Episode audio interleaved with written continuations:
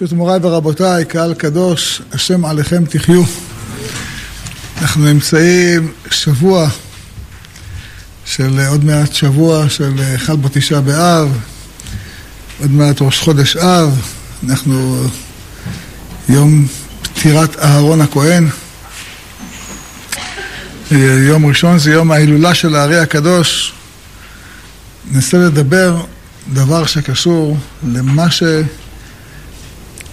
שתורת הארי נועדה לתקן את הקלקול הזה של גלות, את הקלקול של המחשבה שמביאה לגלות. הרי סך הכל אנחנו מתענים בתשעה באב לא בשביל שיהיה לנו צער. למה אנחנו מתענים? מתענים כדי לקוף כהגמון ראשו. זה המטרה. אומר הנביא, כל המטרה של כל הצומות וכל התעניות, שהאדם יתעורר ויבין למה, למה, איך הגיע לנו הדבר הזה ומה צריך לעשות כדי לתקן. אם אנחנו uh, מתענים ולא לא חושבים על הדברים האלה, אז uh, אין בזה את התועלת של התענית. כל, ה...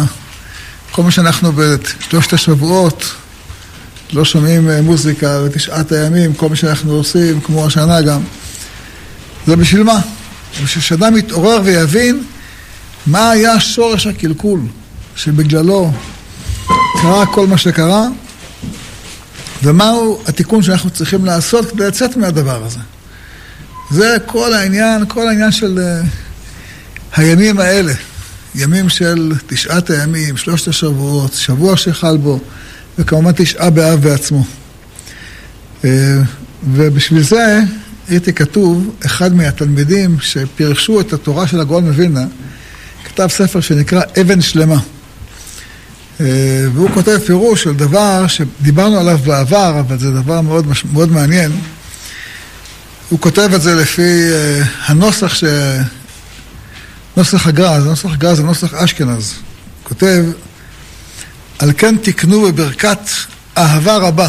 אהבה רבה, כמו שאתם יודעים, בגמרא יש מחלוקת. האם אומרים אהבה רבה, אהבתנו השם אלוקינו, או אהבת עולם אהבתנו השם אלוקינו. אז בגמרא זה מחלוקת, איזה, מה אומרים? ולהלכה גם כן ככה יצא. זאת אומרת, נוסח אשכנז אומרים אהבה רבה אהבתנו, ונוסח ספרד וספרדים אומרים אהבת עולם אהבתנו. הוא כותב, על כאן תקנו בברכת אהבה רבה, מתחילה ללמוד או ללמד, ואחר כך, והער עינינו בתורתך, שזה עולה על פנימיות התורה. שפנימיות התורה, זאת אומרת התורה של הארי, התורה של רבי שמעון, היא מביאה אור, אור גדול, שזה כמובן המטרה של, ה... של הגאולה. וראו גויים צדקך, ועלייך יזרח השם, וכבודו עלייך ייראה. זה, זה התפילה. יש תפילה מיוחדת. תפילה והער איננו בתורתך. שזה מה... אנחנו עושים את ההתאמצות שלנו. לומדים, ללמוד, ללמד, לשמור ולעשות ולקיים. זה מה שאנחנו עושים. אבל מלבד מה שהאדם עושה, את ההשתדלות שלו, יש מה שהקדוש ברוך הוא מלמד אותו. שזה העניין לפני עצמו. שאם אדם זוכה, השם מאיר את עיניו. אם אדם לא זוכה, השם לומד, אדם לומד ולא, לא, לא זוכה להבין. שזה, יש פסוק על זה שאומר, ונשמת שדי תבינם. זאת אומרת, כשאדם מבין משהו, מה גורם לו להבין? מאיפה הוא מבין? יכול ללמוד, בסדר. להבין מאיפה זה בא, התבונה מאיפה באה? התבונה מגיעה מהנשמה. הנשמה של האדם מתבונן, ואז הוא נוגע בנשמה שנמצאת בקרבו, נשמה שנמצאת להביא טהורה, אותה נשמה גורמת לאדם להבין. וזה לכן אנחנו מתפללים, אומרים, ער עינינו בתורתך, מכיוון שאנחנו נראה בהמשך שכל ברכת אהבת עולם, או אהבה רבה, היא נועדה על ההבנה. ותן בליבנו בינה להבין, כמו שנראה את זה בהמשך בכל מקרה. אז זה שהוא אומר, בסופו של דבר, מגיעים לאחר כך, והביאנו לשלום מארבע כנפות הארץ, והוליכנו מרק ומות לארצנו, שזה מביא, מה שמביא את הגאולה. זאת אומרת, הברכה הזאת היא ברכה שמביאה גאולה, וצריך באמת להבין. זה, אני, אני אומר את זה לעצמי כל פעם מחדש, כל בוקר מחדש, כל ערב מחדש, שהעבודה הרוחנית שצריך לעשות כל השנה כולה, אבל במיוחד בשלושת השבועות, במיוחד בימים האלה של ה... שאנחנו אבלים בגלל חטא המרגלים ורוצים לתקן את הקלקול הרוחני של חטא המרגלים, הברכה שנועדה לתיקון, לתיקון הקלקול הזה, זו ברכת אהבת עולם. למה? הגמרא אומרת, כתוב בשני המקומות, אמר רבי יהודה אמר רב, מאי דכתיב, מי האיש החכם ויבן את זאת? חכם שמבין, כן? חכם ויבן את זאת. ואשר דיבר פי השם אליו ויגידה על מה עבדה הארץ, מה היה באמת השורש הקלקול שבגללו עבדה ארץ ישראל, נחרבה, נהרס, נהרסה ירושלים, נהרס בית מקדש, גלו ישראל, יצאו, נהרגו בחרב. כולם מכירים את הגמרא המפורסמת. דבר זה אמרו חכמים ולא פירשו, אמרו נביאים ולא פירשו. עד שפירשה הקדוש ברוך הוא בעצמו, שנאמר ויאמר השם על עזבם את תורתי שנתתי לפניהם. את מה שאני נתתי לפניהם. כן? מה הכוונה? היו בדור הזה עוסקים בתורה, אז מה קרה? איך יכול להיות דבר כזה? אמר רבי יהודה אמר רב, שלא בירכו בתורה תחילה. אז בשולחן ערוך כתוב, מה זה ברכת התורה? ברכת התורה, יש, אנחנו מברכים שלוש ברכות. המעולה שבהם, זה אשר בחר בנו מכל העמים ונתן לנו את תורתו. ועוד אומר השולחן ערוך בסימן מ"ז, ברכת אהבת עולם, פותרת ברכת התורה אם למד מיד בלי, בלי הפסק. זאת אומרת, אם אתה קורא קריאת שמע, שזה נחשב כמו לימוד תורה, ואתה מברך ברכת אהבת עולם, היא נחשבת ברכת התורה.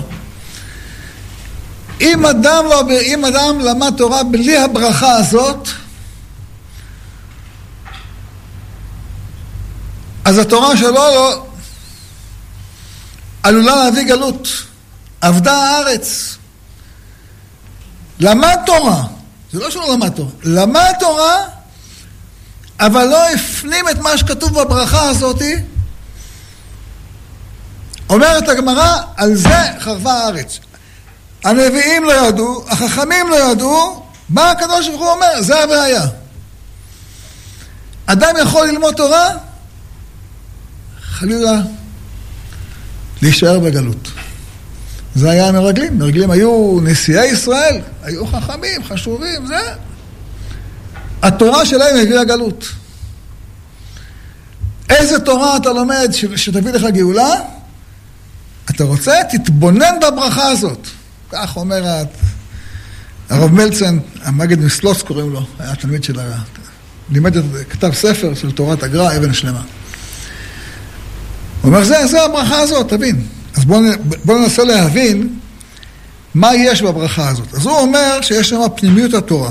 אבל לפני שנדבר על פנימיות התורה, שזה התורה של האריזל, יש שם דברים פשוטים. דבר אחד מופיע אצלנו בפרשה, פרשת דברים. זה... כל פעם שאני קורא את הפרשה הזאת, אני, אני כמה, ש... כמה פעמים שאני קורא אותה, וכמה פעמים שאני רואה אותה, כל פעם שאני קורא את זה, אני מזדעזע מחדש. בפרשת השבוע, פרשת דברים, שמוזכרת ה... מוזכר חטא המרגלים, יש משפט אחד שהוא פשוט מוציא אותי כל פעם מדעתי. שבאים המרגלים ואומרים, בשנאת השם אותנו הוציאנו ממצרים, לתת אותנו ביד האמורי להשמידנו. אומרים בני ישראל לריבונו של עולם, מתי אומרים את זה? אחרי עשר המכות, אחרי קריאת ים סוף. אחרי שכבר יורד לאמן ומקבלים סלב, מקבלים את התורה בהר סיני. ונבנה להם המשכן כבר. והם כבר מגיעים עד מדבר פרן, קדש ברנע. איפה זה קדש ברנע? ליד אילת. כבר מגיעים עד כמעט ארץ ישראל. מה עוד, ריבונו של עולם? למה השם הוציא אותנו ממצרים? כי הוא שונא אותנו. הוא רוצה להביא אותנו לארץ ישראל כי הוא רוצה להשמיד אותנו. זה נורא ואיום. נורא ואיום. וההבנה הזאת שהקדוש ברוך הוא לא אוהב אותנו אהבת עולם, היא יסוד הקלקול של חטא המרגלים. וכל פעם אדם צריך להפנים בליבו כמה הקדוש ברוך הוא אוהב אותנו. להרגיש שכל מצווה זה לטובתנו, לטוב לנו. יש שאומרים לבוא לארץ ישראל, זה לטוב לנו, זה לא ארץ יכולת יושביה. וצריך תמיד להסתכל על כל הטוב שהשם עושה לנו, כל, כל הזמן, כמו דוד המלך, שכל היום, בכל יום אברכך, ועלה שמך עולם ועד. להיות כל הזמן, להרגיש את טוב השם ולהגיד תודה להשם. ובאמת זה צריך להיות כל היום כולו. הגמרא אומרת, ולוואי יתפלל אדם כל היום כולו. אבל זה לא מעשי, אבל לכל זאת במחשבה, כל היום תגיד.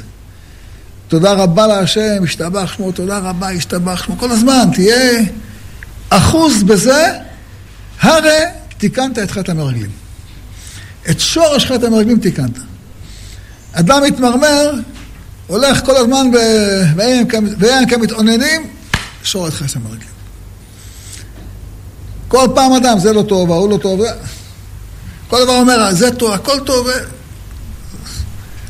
זה תיקון, זה התיקון, זה הדבר הראשון. אנחנו אומרים בברכת אהבת עולם שבע פעמים את המילה אהבה. אהבת עולם אהבתנו השם לקנו. כל הזמן. כל הברכה כולה היא לעורר את ההבנה שהשם אוהב אותנו, וממילא אנחנו מעוררים את האהבה אליו, שזה שמע ישראל ואהבת את השם אלוקיך. אז זה הדבר ראשון. כן. הדבר השני שצריך להדגיש, שאנחנו לומדים תורה לשמה. אמ, תשימו לב למילים, אנחנו רואים כל...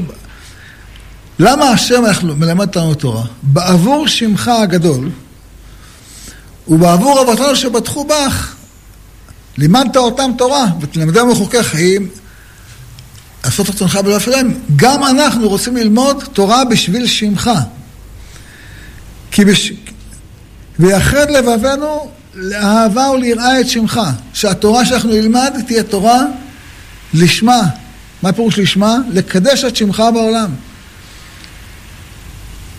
כי כשעם ישראל נמצא בגלות, זה חילול השם. באמור עליהם עם השם אלה ומארצו יצאו. יש נבואה שלמה ביחזקאל שאומר, אומרת, עם ישראל בגלות זה חילול השם. יהודי נמצא ב- ב- ב- בכל מקום בעולם, זה חילול השם. למה? כולם יודעים, כל העמים יודעים. עם ישראל צריך להיות בארץ ישראל, הקדוש ברוך הוא הבטיח, כרת ברית, נשמע, מה יותר מזה? לא קורה. אה, מבלתי יכולת, השם, אין לו כוח. כוח, התחרט, חזר בו. כל מיני דברים שכל מילה כזאת זה חילול השם. זה חילול השם. עצם מציאות של יהודי בגלות זה חילול השם. אומר יחזקאל הנביא, אני מביא אתכם, מביא גואל לבני בניהם למען שמו באהבה. אתה לומד תורה בשביל מה? כדי שבזכותה תזכה לעלות לארץ ישראל, נגילה ונשמחה בישועתך, וממילא אתה תאסוף אותנו לארץ ישראל, ואהבנו ברכה ושלום, מארבע כנפות הארץ, ושבור לוגים מעל צווארנו, והולכנו ומעקמו את לארצנו, למה? וקרבתנו מלכנו לשמך הגדול. וחוזרים על זה בסוף, כן? להודות לך ולייחדך ליראה ולאהבה את שמך. המילה שמך מופיעה בברכה הזאת חמש פעמים. להדגיש לנו. אנחנו עושים את הכל כדי שיתקדש שם השם. למה אתה לומד תורה? בשביל זה. למה אתה מתפלל? בשביל זה. אומר אה, רבי חיים ויטל בהקדמה לת... לספרים של הארי הקדוש, זה בספר, בהקדמה של ספר עץ חיים, הוא כותב את זה. הוא אומר, מביא, אני הצעיר מעיר, הדל באלפי, חיים ויטל. בן לאדוני אבי הרב יוסף ויטל, בהיותי בן שלושים לכוח. תשש כוחי, ישבתי משתומם, ומחשבותיי תמהים, כי עבר קציר, כלה קיץ, ואנחנו לא נושענו. למה לא נגעלנו? רפואה לא עלתה למחלתנו, אין מזור לבשרנו. ולא עלתה ארוחה למכתנו לחורבן במקדשנו, נחרב זה היום אלף ותק ודלת שנים. אלף חמש מאות וארבע שנים. למה לא נחרב, למה לא נבנה בית מקדש? אה, וכל דור שלא נבנה בית מקדש בימיו, כאילו נחרב בימיו. והאתנאי פנה לחקור לדעת מה זה ועל מה נתארך כצאנו בגלותינו, מדוע לא בא בן ישי? כך הוא שואל, והוא עונה ואומר, אה, שכתוב בספר התיקונים, בזוהר. אה,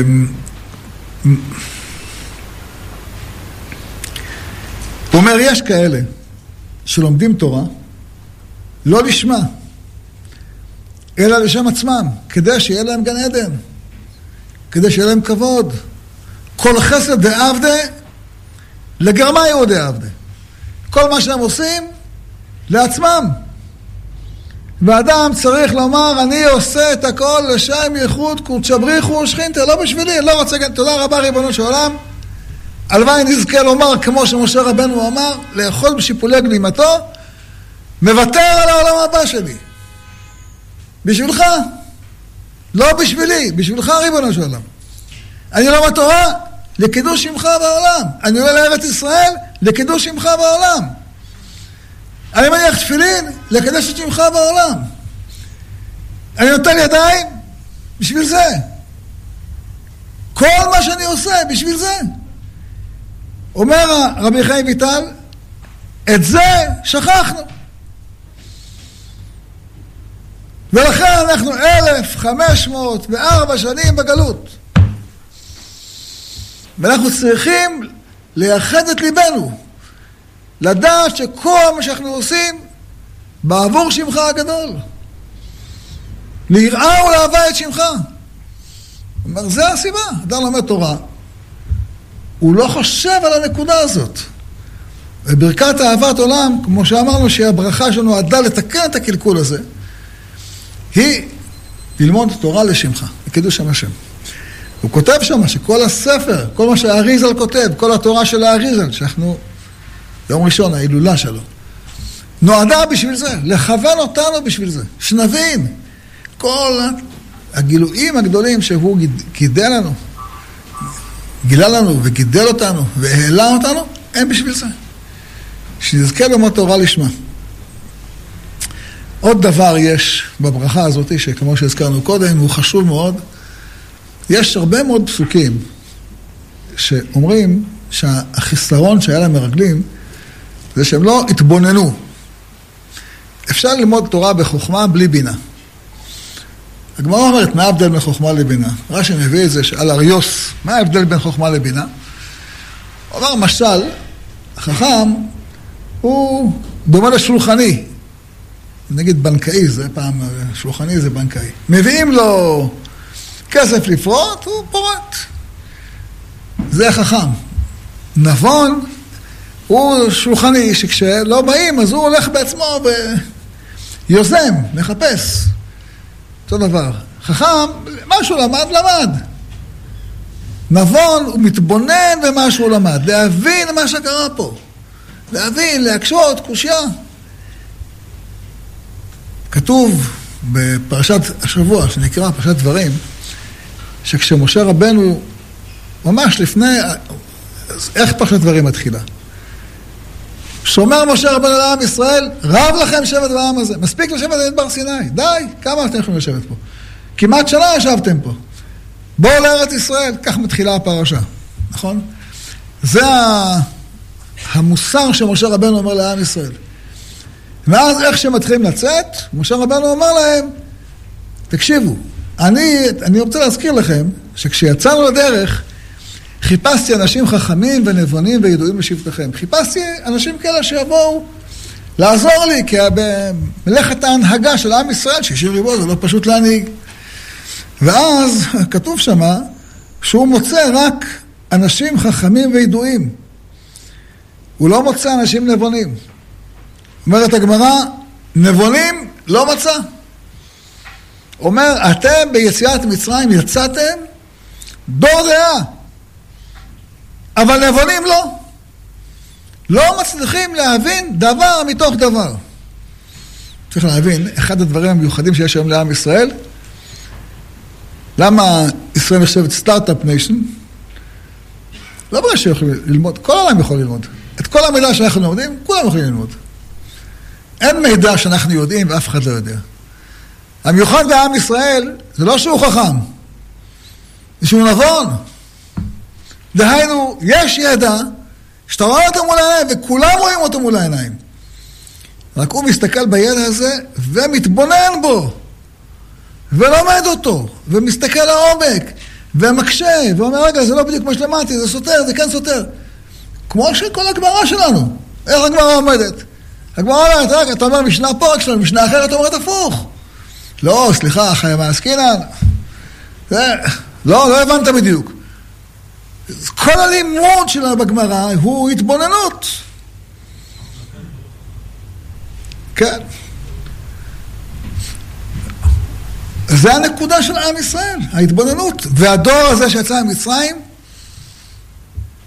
לא היו נבונים. ולכן הם מגיעים מתוך כך לחטא העגל שמופיע מיד, לחטא המרגלים שמופיע מיד אחר כך.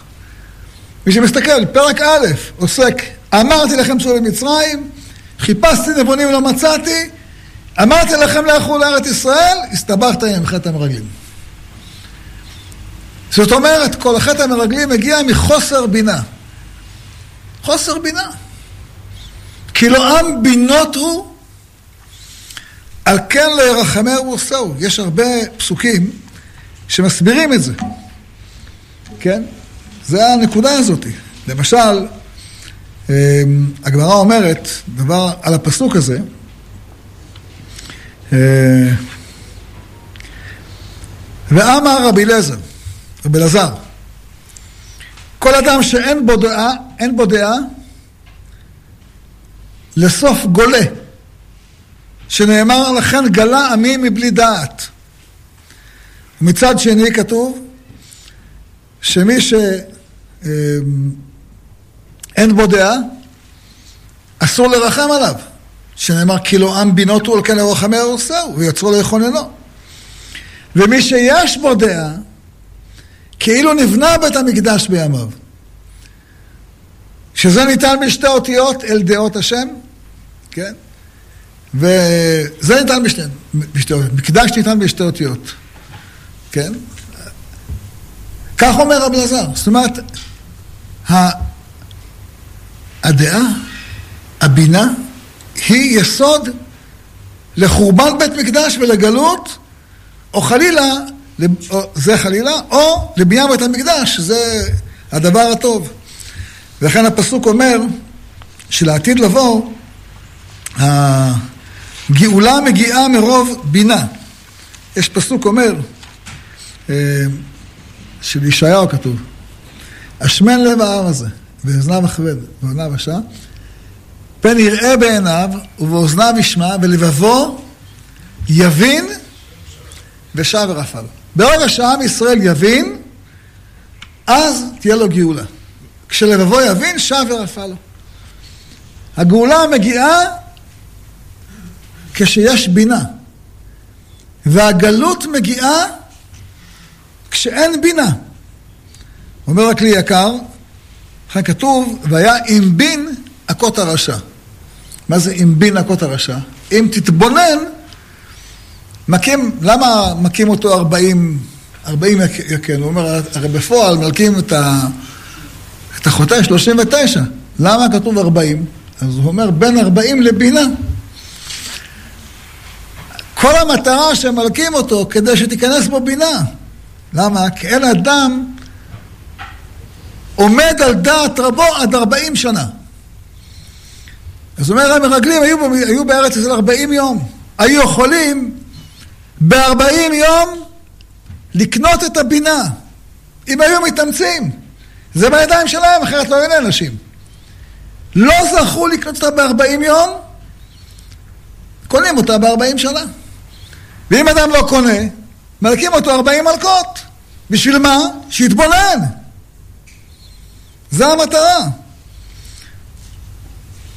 לכן הפסוק הזה נאמר, אה, מצד אחד, מי שלא מתבונן. אומר הנביא דבר נורא, והיה ביום ההוא יחבוט השם משיבולת הנהר עד נחל מצרים, ואתם תלוקטו לאחד אחד בני ישראל. הוא אומר הקדוש ברוך הוא בזמן הגאולה, מה הוא עושה? כמו שיבולת, שקוצרים אותה, לפני שמשתמשים אותה, מפרקים אותה. חלק מוץ ותבן, חלק חיטים, נכון? אז זה מה שהקדוש ברוך הוא עושה משיבולת הנהר עד נחל מצרים. ואת אלה שטובים, תלוקטו לאחד אחד בית ישראל. והשאר, כי לא עם בינותו ולא רחמי ארוסהו. ואלה שכן טובים, עליהם נאמר, ויום ביום ההוא יתקע בשופר גדול, ובאו העובדים בארץ אשור, וידחים בארץ מצרים, והשתחוו להשם בהר הקודש בירושלים. הוא אומר, יש ברור בעם ישראל. אלה שמתבוננים, ינצלו. אלה שלא מתבוננים, השם ירחם. אותו דבר אומר דניאל, התבררו והתלבנו והצטרפו רבים והרשיעו רשעים ולא יבינו. אלה שלא התבוננו כמו המרגלים, השם ירחם. ולא יבינו כל רשעים, והמשכילים יבינו, והם יגאלו. על הפסוק הזה נוסב וסובב כל ספר הזוהר. מי שמתבונן, ייגאל. מי שלא, השם ירחם. אה, וככה פסוקים אומרים, וזה פסוקים שמופיעים בכמה וכמה מקומות. וזה כל המטרה של האריזל, הייתה ללמד טועים בינה. אומר לך, תתבונן, תנצל. לא תתבונן, השם ירחם. אה, וזה מה שאנחנו אומרים, אל תקשו לבבכם כמריבה כיום מסע במדבר. שניסון יעבוד, אל תחזרו לטעות של חטא המרגלים. כי עם טועה לבב הם. אנחנו מבקשים, ותן בליבנו בינה. כל התפילה היא שנזכה להתבונן, לא רק לקרוא. כסוס כפרד אין אבין. שלא מבינים. לא, אדם לא לומד כמו תוכי, אדם צריך להבין. זה כל התפילה. אה, ולכן האדם צריך הרבה דברים את זה לעשות. ואחת התפילות הגדולות והחשובות שאנחנו אומרים, שבזמן הגאולה לא יהיה לנו לב אבן, אלא לב בשר. למה לב בשר? כי זה המקום שבו אדם מבין, ותן בליבנו בינה להבין. תן לנו את הלב שמבין. לב אבן לא מבין. לב בשר הוא מבין. זה התפילה, נכון? מתוך כך אתה זוכה למהר והבא לנו ברכה ושלום מארבע כנפות הארץ. אז זו התפילה הגדולה, וזו הייתה העבודה הגדולה של אה, הארי הקדוש. לעורר בליבנו את ההתבוננות, להבין את עומק התורה. עומק התורה, עומק החיים, עומק כל דבר. ויש לזה פסוק, כתוב על בני יששכר, מבני יששכר יודעי בינה. הפסוק אומר שהם היו יודעים לעתים לדעת מה יעשה ישראל. ראשיהם 200 וכל אחיהם על פיהם. הפסוק הזה נאמר בדברי הימים על אלה שהיו עוזרים לדוד המלך. דוד המלך היו לו אנשים מבני יששכר יודעי בינה לעתים לדעת מה יעשה ישראל. אם אדם מתבונן, הוא יודע מה יהיה בעתיד. אחרי הגמרא אומרת, חמישים שערי בינה נבראו בעולם, זכה משה נטל ארבעים ותשע מהם. לכן משה רבנו היה כל כך דבוק בעתיד, בארץ ישראל, יודע לראות העתיד. זה למה? יש לו בינה. ובני יששכר, יודעי בינה. אז דוד המלך אומר, אני צריך אותם לידי. כי הם תמיד יודעים להגיד לי מה עתיד להיות, איך, איך יקרה. יודעים לצפות את העתיד. לראות קדימה. זה הכוח שהיה מיוחד להם. והגמרא אומרת שהיו מתוכם 200 ראשי סנהדראות. אומרת הגמרא עליהם, שמצד אחד זכו ברוב חוכמתם שווים לנבואה. כך אומר חכמנו במדרש. אותו דבר נאמר על אלישע, תלמידו של אליהו הנביא, כי טוב זו תורה שמרוב חוכמתו, תורת, חוכמתו, תורתו הייתה מסכמת לנבואה. זאת אומרת, היה אלישע, חוץ ממה שהיה נביא, שקיבל מתנה מהקדוש ברוך הוא, הוא למד תורה בצורה כל כך נכונה, שגם החוכמה שלו, בהתערותא דלתתא, היה מסכמת לנבואה. אז הוא קיבל תורה מצד אחד מלמטה, התאמץ, למד תורה, היה חכם עדיף מנביא, וגם זכה מלמעלה. זה היה אלישע, כן? זה לכן כתוב עליו שהוא היה כפול, כפול מאליהו, פי שתיים, למה פי שתיים? פעם אחת מה שהוא למד מאליהו הנביא, אז הוא למד את זה. הוא למד, התעמק, התבונן. מרוב חוכמתו הייתה מסכמת לנבואה. פעם שנייה, נשמת שדי תבינם. הקדוש ברוך הוא נותן לו את המתנה הזאת, הער עינינו בתורתך, מזכה אותו. ולכן כתוב אצל uh, המרגלים, שאליהו, שמשה רבנו מתפלל על יהושע. מה זה יא יושיעך מעצת מרגלים? כי צריכים הרבה סייעתא דשמיא לא ליפול במקום הזה. אדם צריך לעשות את ההשתדלות שלו, כן? ולכן הוא הולך ומתאמץ ומתייגע, ואנחנו יודעים שיהושע התייגע מאוד. יהושע היה מסדר הספסלים. מה זה? הוא מנסה בכל דרך, דרך להידבק בתורת משה רבנו. כשמשה רבנו מחפש מישהו מנהיג במקומו, הוא אומר, ריבונו של עולם, תביא איש על העדה, איש אשר רוח בו. מה זה רוח בו? רוח השם בקרבו. אומר לו משה, מה, אתה לא רואה? לידך נמצא. לידך. העוזר שלך. כן, הוא, יהושע, כל כך התאמץ, כל כך השתדל, כל כך עשה את העבודה שלו מלמטה. מתוך שעשה את העבודה שלו מלמטה, נשמת שדי תבינם. אה, אז זה הלימוד. כמו שהזכרנו מקודם בשם התלמיד של הגר"א, אה, זה הייתה עיקר תורתו של האריזל. כך כותב, כותב הזוהר. הזוהר מסביר על הפסוק של, אה, שהזכרנו מקודם, והמשכילים יבינו, ומה זה המשכילים יבינו? מסיתרא דבינה, מצד הבינה. דאורו אילנה דחי, זה עץ החיים. פירוש עץ החיים, אנחנו זוכרים אותו מגן עדן, נכון? עץ החיים זה דבר שהאדם אה, איבד אותו. אדם הראשון איבד אותו. גורש.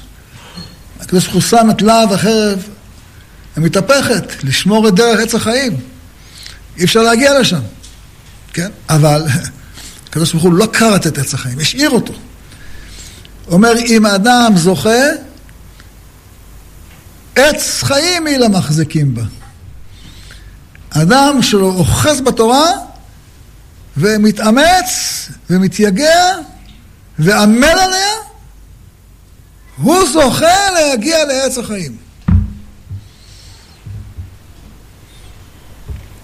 מה שהאדם הראשון גורש ממנו, הוא יכול לזכות בו. ולכן התורה של הארי נקראת עץ חיים. ככה נקראת. אילנה דחיה, עץ החיים. ככה נקראת, ככה היא נקראת. ואומר הדבר הכי חשוב, למה הספר הזה נכתב? כדי שגם אנחנו, כולנו, נחזיק בעץ החיים. זה היעד. זו השליחות. ובגין דעתידין ישראל, כולם, למיתעמי אילנה דחיה, לאכול מפירותיו של עץ החיים. דהיהו אי ספר הזוהר, איפקון בי מן גלותא ברחמה. זאת אומרת, הספר הזה נועד כדי שכולנו נאכל מעץ החיים, ולא מעץ הדעת. ויש לנו אפשרות. איך אנחנו עושים את זה? ד... לומדים מהתורה הזאת. לומדים, שומעים שיעורים שקשורים אל זה. לומדים את ה... מה שמקשר אותנו לתורה הזאת. לכן הרב עליו השלום היה כל כך דבק בתורתו של הבן איש חי, שהוא היה, כל תורתו דבוקה בתורתו של האריזל. והרב היה דבק כל הזמן בתורתו של אור החיים הקדוש, היה דבק בתורת האריזל.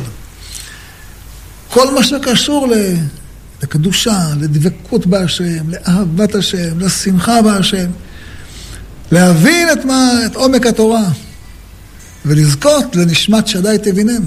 אם לא שהרב היה לו את המדרגה הזאתי, לא היה מגיע למה שמגיע. איך אדם יכול להגיע למה שמגיע? אבל כשאדם זוכה ומתאמץ, זוכה למדרגה העליונות ש... כמו שהפסוק אומר, נשמת שדי תבינם. אה, וככה כותב שוב הזוהר, בשם אליהו הנביא, שהתורה הזאת לא נועדה רק לגאונים, יחידים, עילאיים. אה, הוא אומר, וכמה בני נשה לטאטה התפרנסו מהחיבור הדילך. כדתית גלה לטאטה בדרה בתרא בסוף יומיה, ובגינה וקראתם דרור בארץ לכל יושביה. אומר לו אליהו הנביא לרבי שמעון בר יוחאי, דע לך, כמה אנשים יחיו, יחיו מזה. הוא, הוא מדמה את התורה שלו לעץ חיים, שזה עץ ענק, ש... כמו כל העולם כולו, יש שורש לעץ, יש הגזע לעץ, יש ענפים לעץ, יש עלים, יש פרחים, יש פירות, יש ציפורים שיש להם קינים על העץ, יש עץ שיש בו רוכש חיים. אומר, אנטו אילנה דחיה, אתה, אומר לו אליהו הנביא, אתה הוא עץ החיים. כשאתה דבק בעץ החיים, אתה בעצמך עץ החיים. ואתה תהיה זכאי להיות זה שמזרים חיות לעם ישראל כולו. בדיוק עץ חיים אילם החזקים, זאת אומרת, כשאדם דבק, הוא עצמו הופך להיות תורה. וזו מדרגה כל כך גדולה. אה, כותב על זה הרמב"ן, אומר על המדרגה הזאת, כתוב שהקדוש ברוך הוא נופח באדם נשמת חיים, ויפח באפיו נשמת חיים. הקדוש ברוך הוא שם את הנשמה שלו בתוך האדם, כן? אה, ולכן, אמרת הגמרא, מסכת מגילה, מה ראו לומר תשובה אחרי בינה?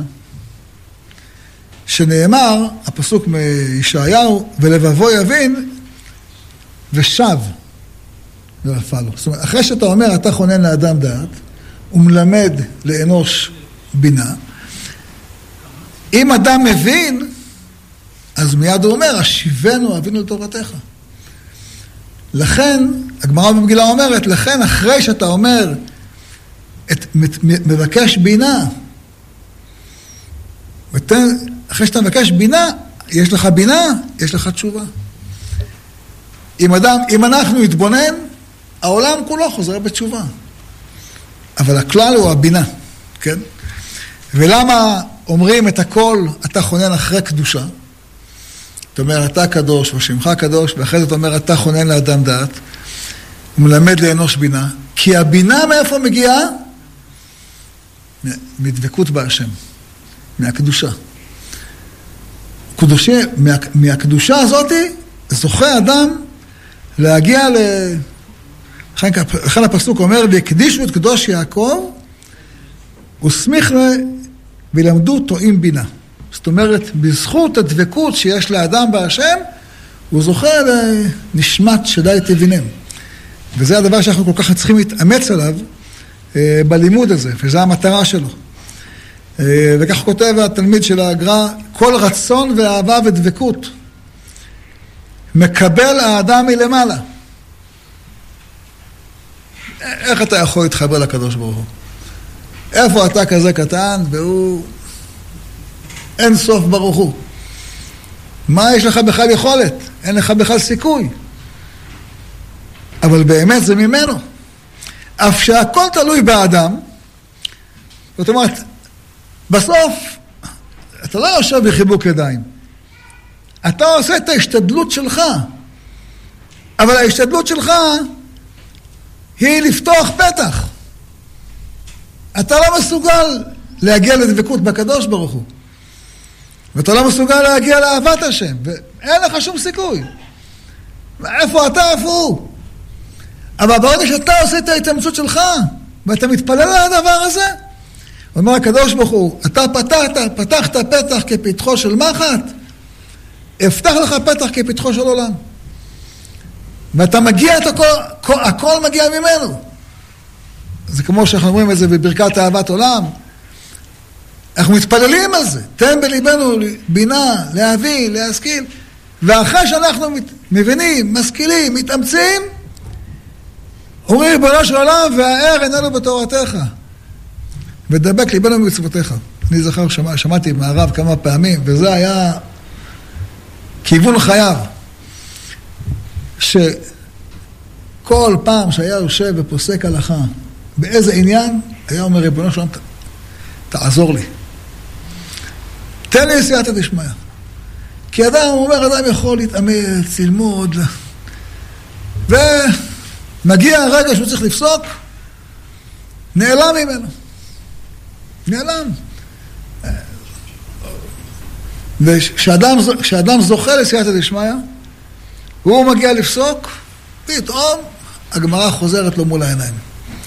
הרי אנחנו תמיד כשאומרים סיום מסכת, אז מה אומרים בברכת, בתפילה של סיום מסכת? אנחנו, אדרן הלך, מסכת אה, חגיגה, ודעתן הלך, ואדרך עלן. מה זה אדרך עלן? את מסכת חגה חוזרת אלינו, את מסכת ברכות, חוזרת, את מסכת בתרא חוזרת אלינו. זאת אנחנו לומדים ומתאמצים, אבל מתי המסכת חוזרת? יש לך קושייה, אתה אומר, מה זה? אתה מחפש תשובה, פתאום בא לך איזה רעיון, מאיפה בא לך הרעיון? פתאום נזכרת בגמרא, איך נזכרת בגמרא?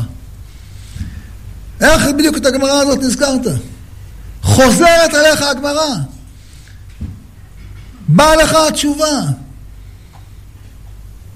ויש לך איזושהי תובנה.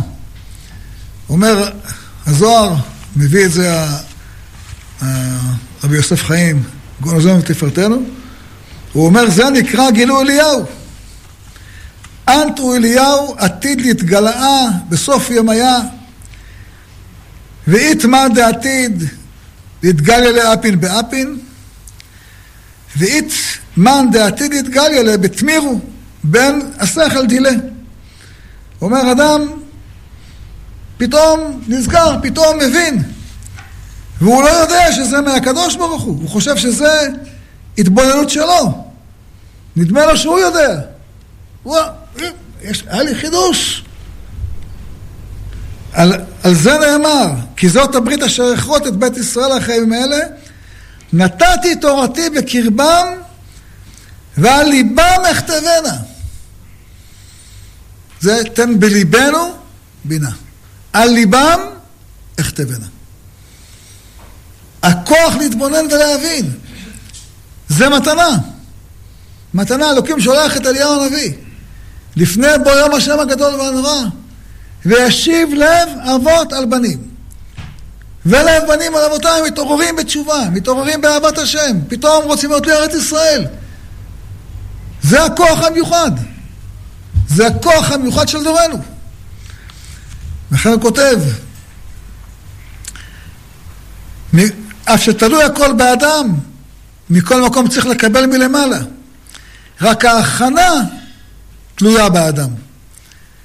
והרעותה באה מלמעלה כפי ערך העבודה. וזהו שכתוב, והתקדשתם והייתם קדושים. כי קדוש אני. מה פירוש והתקדשתם והייתם קדושים? והתקדשתם, זאת העבודה שעושה האדם. זו ההשתדלות שלו. אדם מתאמץ, אדם מתייגע, אדם עושה את, ה... את כל השליחות שלו. אבל בסוף יכול להתקדש, להתקדש, להתקדש, ולא... אומר, והייתם קדושים, אני מקדש, אדם מקדש עצמו מעט, מקדשים אותו הרבה. מקדש עצמו מלמטה, מקדשים אותו מלמעלה. זאת אומרת, השליחות זה. אתה קדוש, כשאדם זוכה לה אתה קדוש ושמך קדוש. קדושים בכל יום האלו חסר לה, אז הוא זוכה לאתה, חונן לאדם דעת ומלמד לאנוש בינה, כי נשמת שדי תבינם. ויש דבר מאוד אה, חשוב, כתוב בהידרה.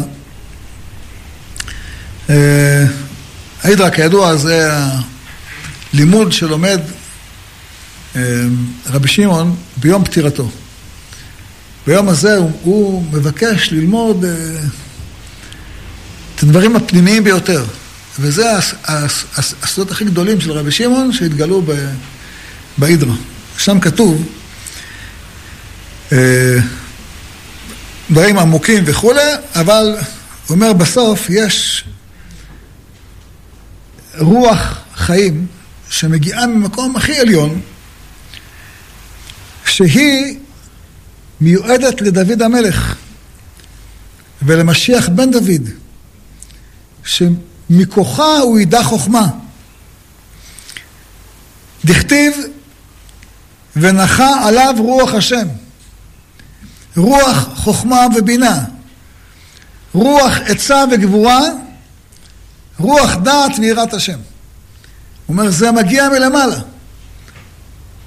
מלמעלה מגיע עליו רוח השם. מה זה הרוח הזאתי? מצד אחד רוח חוכמה ובינה.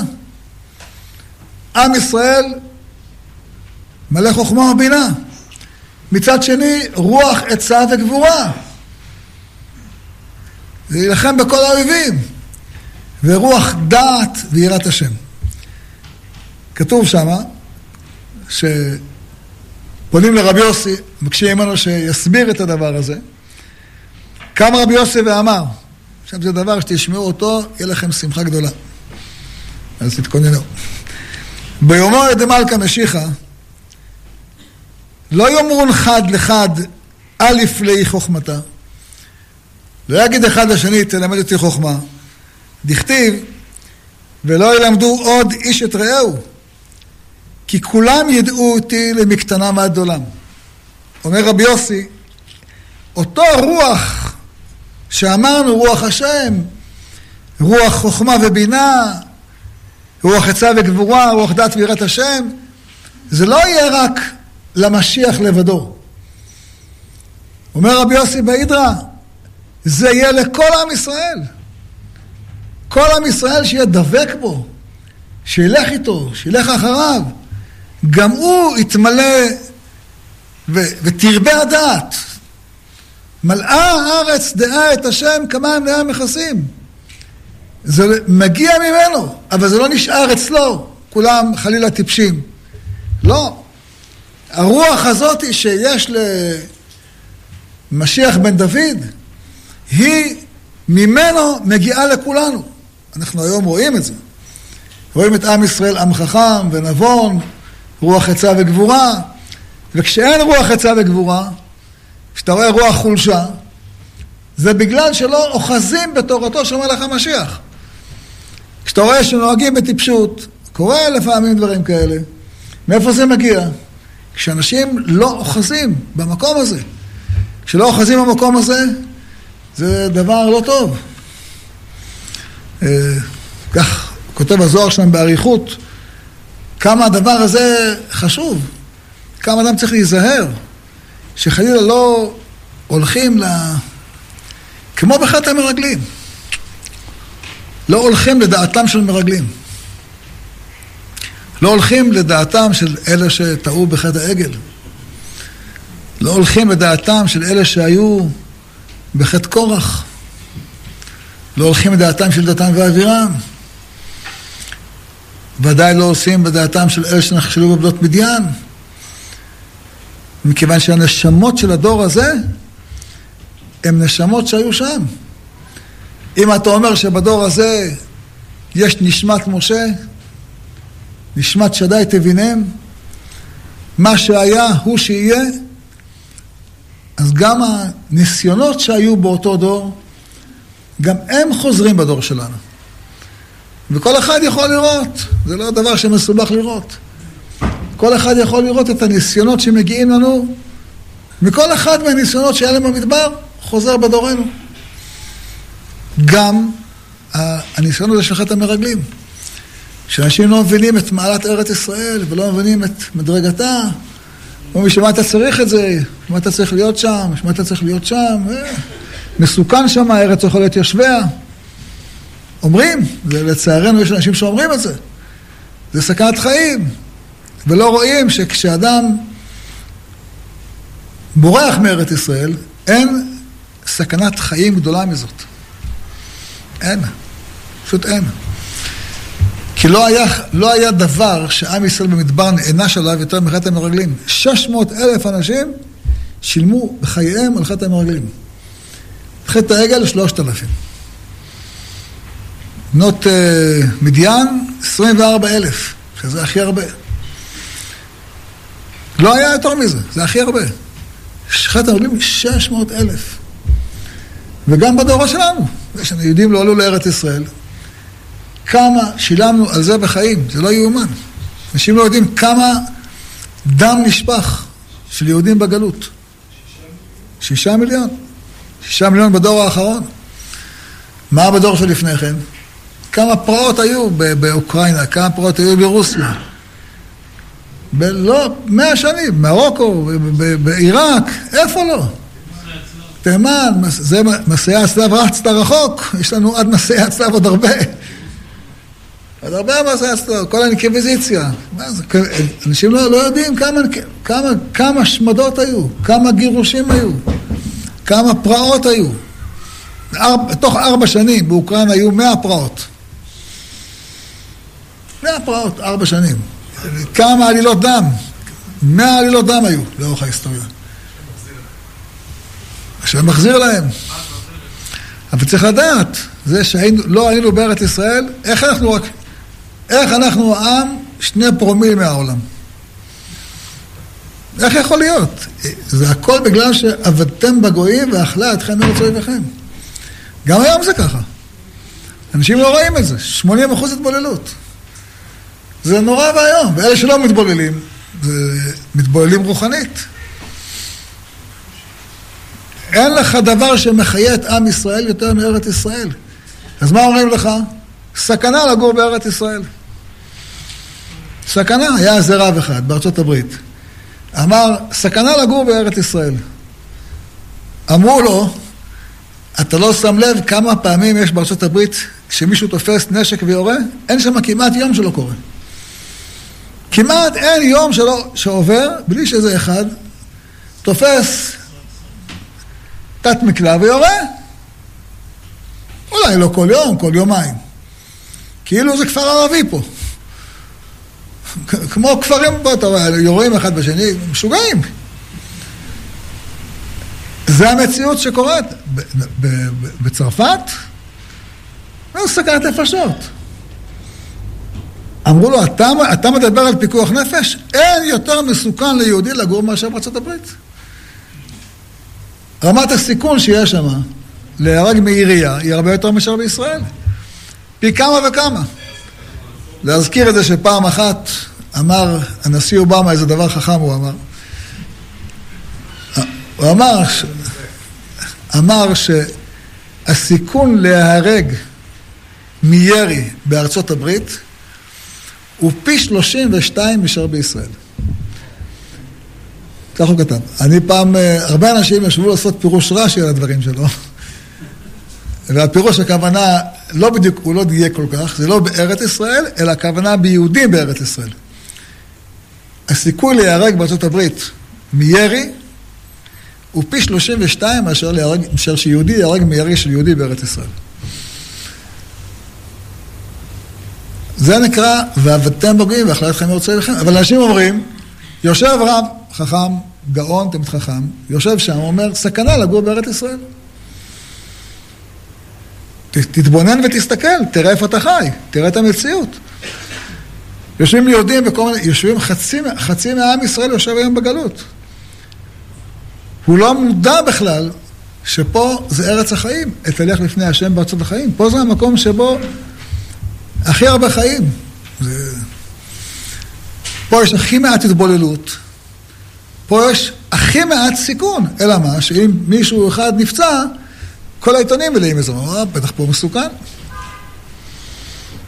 אם חלילה מישהו נהרג, כל העולם יודע מזה, בטח פה הכי מסוכן. אבל אנחנו צריכים לדעת, צריכים לתקן את חטא המרגלים. לספר את שבחה של ארץ ישראל, זה הציווי שיש לכל אחד ואחד מאיתנו, במיוחד בימים האלה. בימים האלה להבין, לדעת כמה שבח עצום יש כאן בארץ ישראל. איזה ברכה הקדוש ברוך הוא נותן פה, במיוחד בחיים. אמ, וזה באמת התפקיד, התפקיד, זה התפקיד של אליהו הנביא, שהוא אמ, עוד מזמן פנחס, עושה את הבירור הזה. הוא אה, מפריד את המוץ מהתבן. המוץ והתבן מה, מה, מהפרי. והוא עושה את זה פעם נוספת, עושה את זה בדורו של אחאב. פעם אחת פנחס עושה את זה, פעם אחת אליהו הנביא עושה את זה. מעורר את כל עם ישראל, אלה שמתבלבלים. מעורר את כולם לומר השם הוא אלוקים, השם הוא אלוקים. וככה גם קורה לעתיד לבוא. כך אומר המלאכי, הנביא האחרון, אה, הנה אנוכי שולח מלאכי ופינה דרך לפניי, כי פתאום יבוא האדון אל היכלו, האדון אשר אתם מבקשים. הקדוש ברוך הוא יבוא, ישרה בתוככם. ומלאך הברית אשר אתם חפצים, הנה בא, אמר השם צבאות, כי הוא כאש מצרף, חבורית מכבסים, וישב מצרף ומתאר כסף, וטיהר את בני לוי, וזיקק אותם כזהב וככסף. איך מזקקים? אומרת הגמרא, מוציא הקדוש ברוך הוא חמה מנרתיקה, פתאום נהיה חם בעולם. מוציא השם חמה מנרתיקה, את הצדיקים היא מחממת, את הרשעים היא שורפת. אותה חמה, אם יודעים טוב להשתמש בה, היא יכולה להיות יותר טובה מנפט, יותר טובה מגז. יכולה לייצר חשמל, יכולה להביא הרבה ברכה לעולם, אם משתמשים בה נכון. ואם לא משתמשים בה נכון, את הרשעים היא שורפת. יש תהליך, שאתה לוקח זהב עם סיגים, שם אותו בתוך כור הברזל, כן? את הסיגים היא מסירה, ומשאירה את הזהב הטהור. אומר הנביא מלאכי, זה התהליך שקורה בעולם. כמו שאליהו הנביא עשה את זה בזמן הכניסה לארץ, כמו שהיה בזמן אחאב, כך יהיה לעתיד לבוא. כי, כי הוא כאש מצרף וכבורית מכבסים. לכן הוא אומר, הנה אנוכי שולח לכם את אליה הנביא לפני בוא יום השם הגדול והנורא, והשיב לב אבות על בנים ולב בנים על אבותם, פן אבוא והכיתי את הארץ חרם. זאת אומרת, זה התהליך שאנחנו צריכים אותו בדור שלנו. לדעת, יש בלבול. גם בדור הזה יש בלבול. יש, כמו שאומר הנביא, יש חיטה, יש לה מוץ, יש לה תבן, יש גרעינים. השם חובט את שיבולת הנהר, ואתם תלוקטו לאחד אחד בני ישראל. זה התפקיד שלנו. ויהי רצון שאנחנו באמת נזכה לראות את המציאות הזאת בימים האלה במיוחד, שאלה ימים שעתידים להפך לכל בית ישראל לששון ולשמחה. שהיום הזה זה יום של תשעה באב, זה היום שבו היינו זכאים וצריכים לקבל את הזכות להיכנס לארץ ישראל, ובחרנו למרוד בטובתו של הקדוש ברוך הוא. אנחנו עכשיו באים ואומרים לריבונו של עולם, אנחנו חלילה וחס לא מורדים בטובתך, מקבלים אותה, מבינים שאתה אוהב אותנו אהבת עולם, שהמתנה שלך היא המתנה הכי טובה שיכולה להיות, ואנחנו מחזירים לך אהבה, אהבת עולם, אמן ואמן.